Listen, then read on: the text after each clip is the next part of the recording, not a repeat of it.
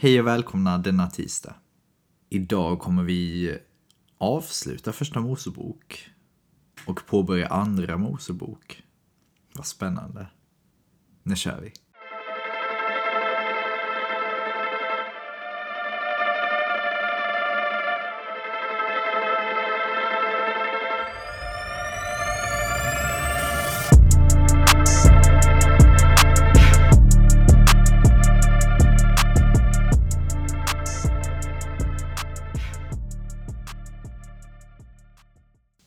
Vi ber.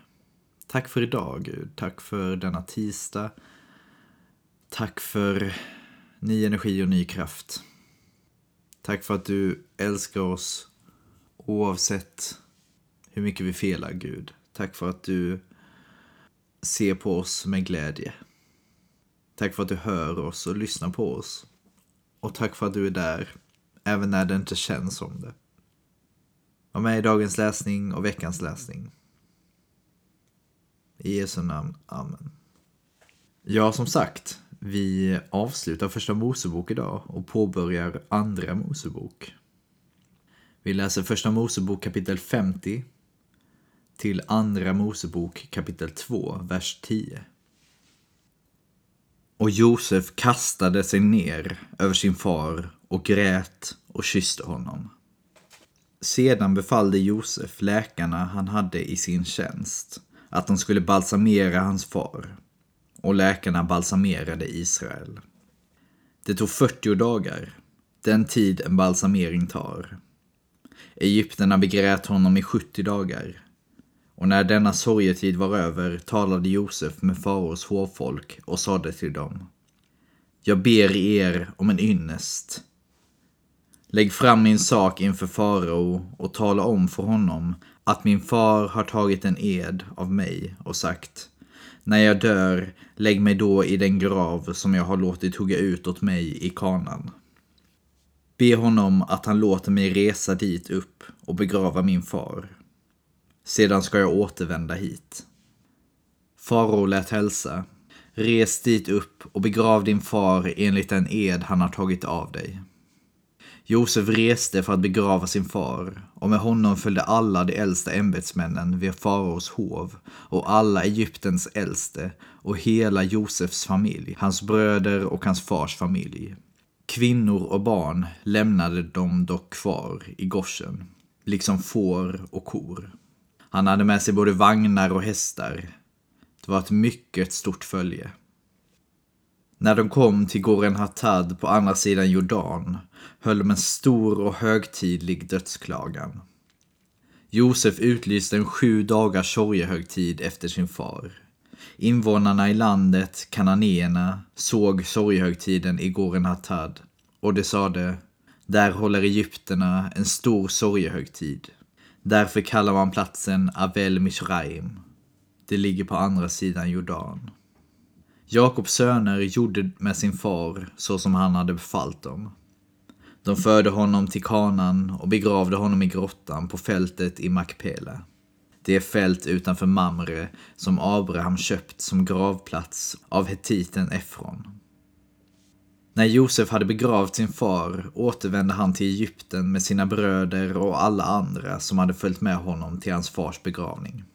När Josefs bröder tänkte på att deras far var borta sade de Kanske Josef hyser agg till oss och vill ge igen för allt ont vi har gjort honom.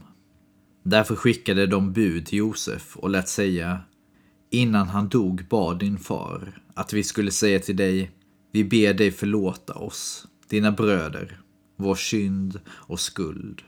Vi har gjort dig mycket ont. Så förlåt oss, din fars Guds tjänare, den synd vi har begått. Vid dessa ord brast Josef i gråt sedan kom också bröderna själva och föll ner inför honom och sade Vi är dina slavar. Men Josef sade till dem Var inte rädda. Jag är ju inte Gud. Ni vill mig ont, men Gud har vänt det till något gott. Han vill göra det som nu har skett och därigenom bevara många människor vid liv. Var inte rädda. Jag ska sörja för er och era barn. Så talade han lugnande och uppmuntrande till dem. Josef bodde kvar i Egypten tillsammans med sin släkt och han levde i 110 år. På Efraims sida fick han se barn i tredje led och barn till Manasses son Makir kunde han uppta som sina. Josef sade till sina fränder, jag ska snart dö.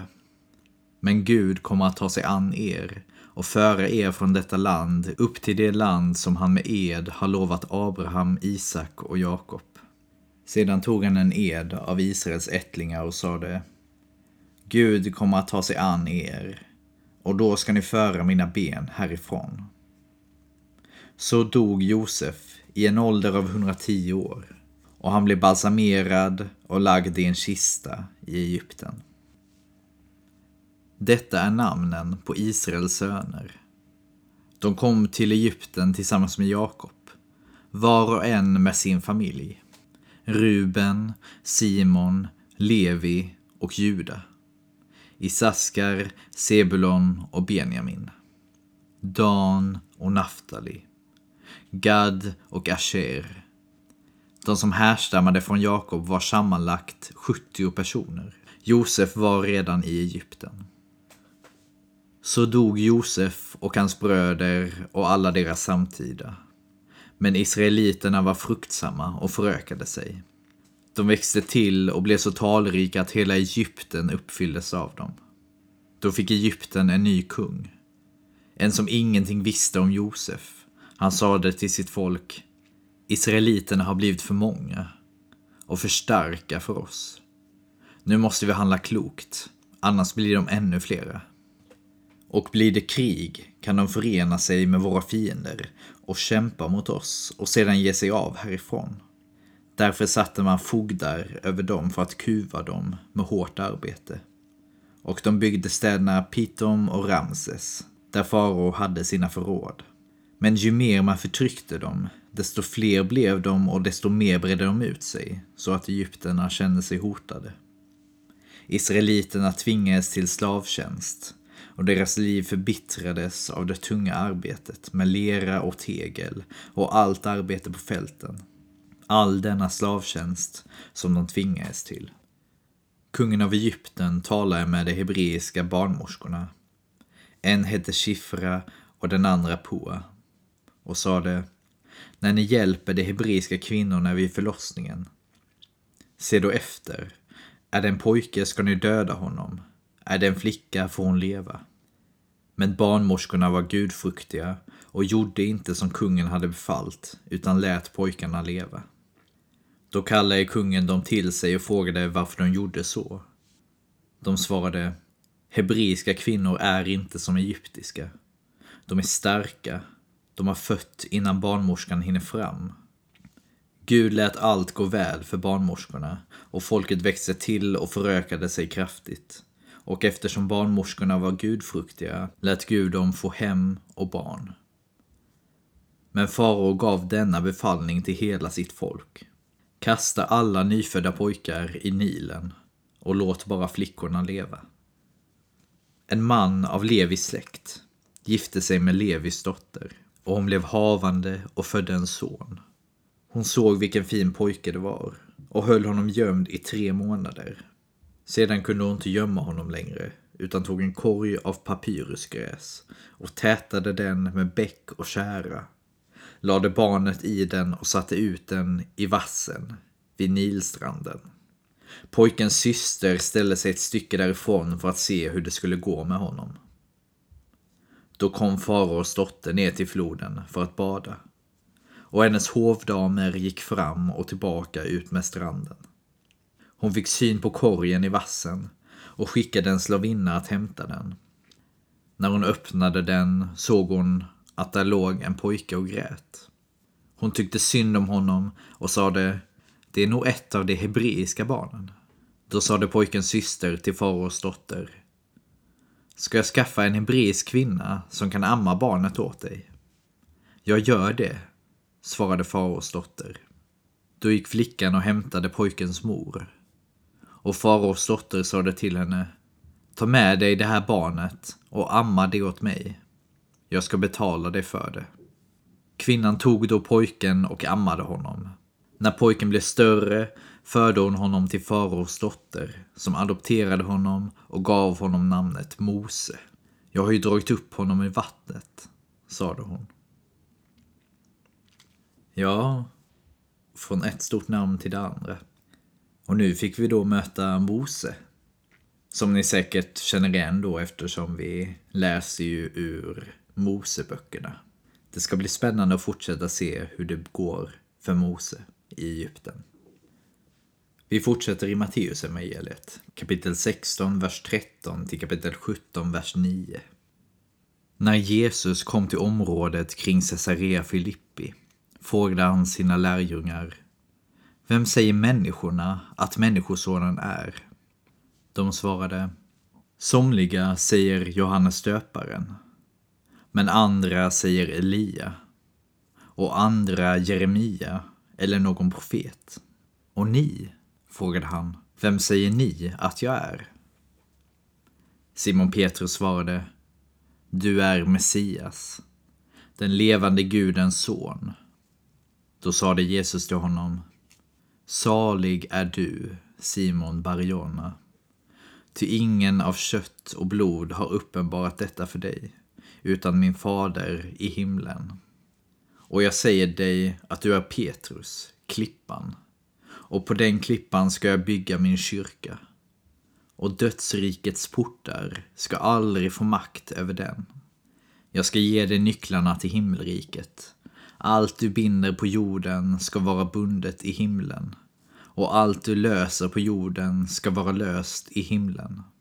Sedan förbjöd han lärjungarna att tala om för någon att han var Messias. Från den tiden började Jesus förklara för sina lärjungar att han måste bege sig till Jerusalem och lida mycket genom de äldste och översteprästerna och de skriftlärda och bli dödad och bli uppväckt på tredje dagen. Petrus tog honom då avsides och började förebrå honom och sade Må Gud bevara dig, Herre. Något sådant ska aldrig hända dig. Men Jesus vände sig om och sade till Petrus Håll dig på din plats, Satan. Du vill få mig på fall, för dina tankar är inte Guds, utan människors. Sedan sade Jesus till sina lärjungar om någon vill gå i mina spår måste han förneka sig själv och ta sitt kors och följa mig. Ty den som vill rädda sitt liv ska mista det. Men den som mister sitt liv för min skull, han ska finna det. Vad hjälper den människa om hon vinner hela världen, men måste betala med sitt liv? Med vad ska hon köpa tillbaka sitt liv? Människosonen ska komma i sin faders härlighet med sina änglar och då ska han löna var och en efter hans gärningar. Sannerligen, några av dem som står här ska inte möta döden förrän de har sett Människosonen komma med sitt rike.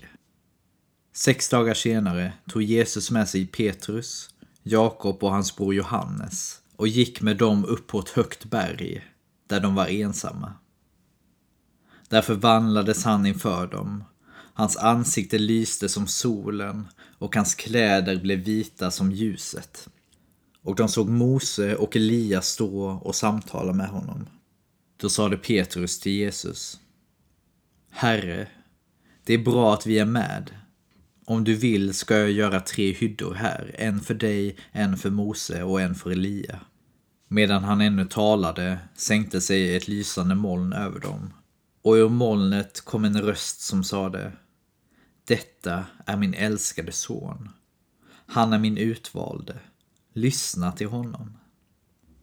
När lärjungarna hörde detta kastade de sig ner med ansiktet mot marken och greps av stor skräck. Jesus gick fram och rörde vid dem och sade Stig upp och var inte rädda. De lyfte blicken och då såg de ingen utom Jesus. När de gick ner från berget sade Jesus åt dem Berätta inte för någon om det ni har sett förrän Människosonen har uppstått från de döda. Oj, oj, oj. Tänk vad, tänk vad mäktigt att vara med om det här. Alltså. Det borde vara skrämmande och läskigt och mäktigt samtidigt. liksom. Vi fortsätter i Saltaren, psalm 21. För körledaren, en psalm av David. Herre, kungen gläds åt din styrka. Han jublar över din hjälp. Vad han önskar ger du honom. Du vägrar ej det han ber om. Du kommer till honom med goda gåvor. Du sätter på hans huvud en krona av guld. Han ber dig om liv och du ger det. Oändligt många levnadsår. Din hjälp gör hans ära stor. Du skänker honom prakt och glans. Du ger honom välsignelser för evigt, bereder honom glädje inför dig. Ty kungen förtröstar på Herren, med den högstes nåd sår han säker. Din hand når alla dina fiender. Din starka arm når dem som hatar dig. Du sätter dem som i en brinnande ugn när du visar dig. Herren förtär dem i sin vrede, elden slukar dem. Deras avkomma utplånar du från jorden, deras barn från människors ett. De ville tillfoga dig ont. De smidde planer, men förgäves. Du driver dem på flykten. Du siktar på dem med din båge. Herre, visa din höghet och styrka. Vi vill hylla din makt med sång och spel. Vi avslutar i Ordspråksbokens femte kapitel, vers 1 6. Min son, hör på min vishet och lyssna till min insikt så att du vinnlägger dig om klokhet och kunskap får prägla dina ord. Den främmandes läppar är söta som honung, lenare än olja, hennes tunga. Men till slut blir hon bitter som malört, vass som ett tveeggat svärd. Hennes vandring går mot döden, ner till dödsriket för hennes steg. Hon ger inte akt på livets väg. Hon märker inte att hon går vilse. Ja, Tack för idag. Ha en fin dag. Vi ses imorgon. Hej då.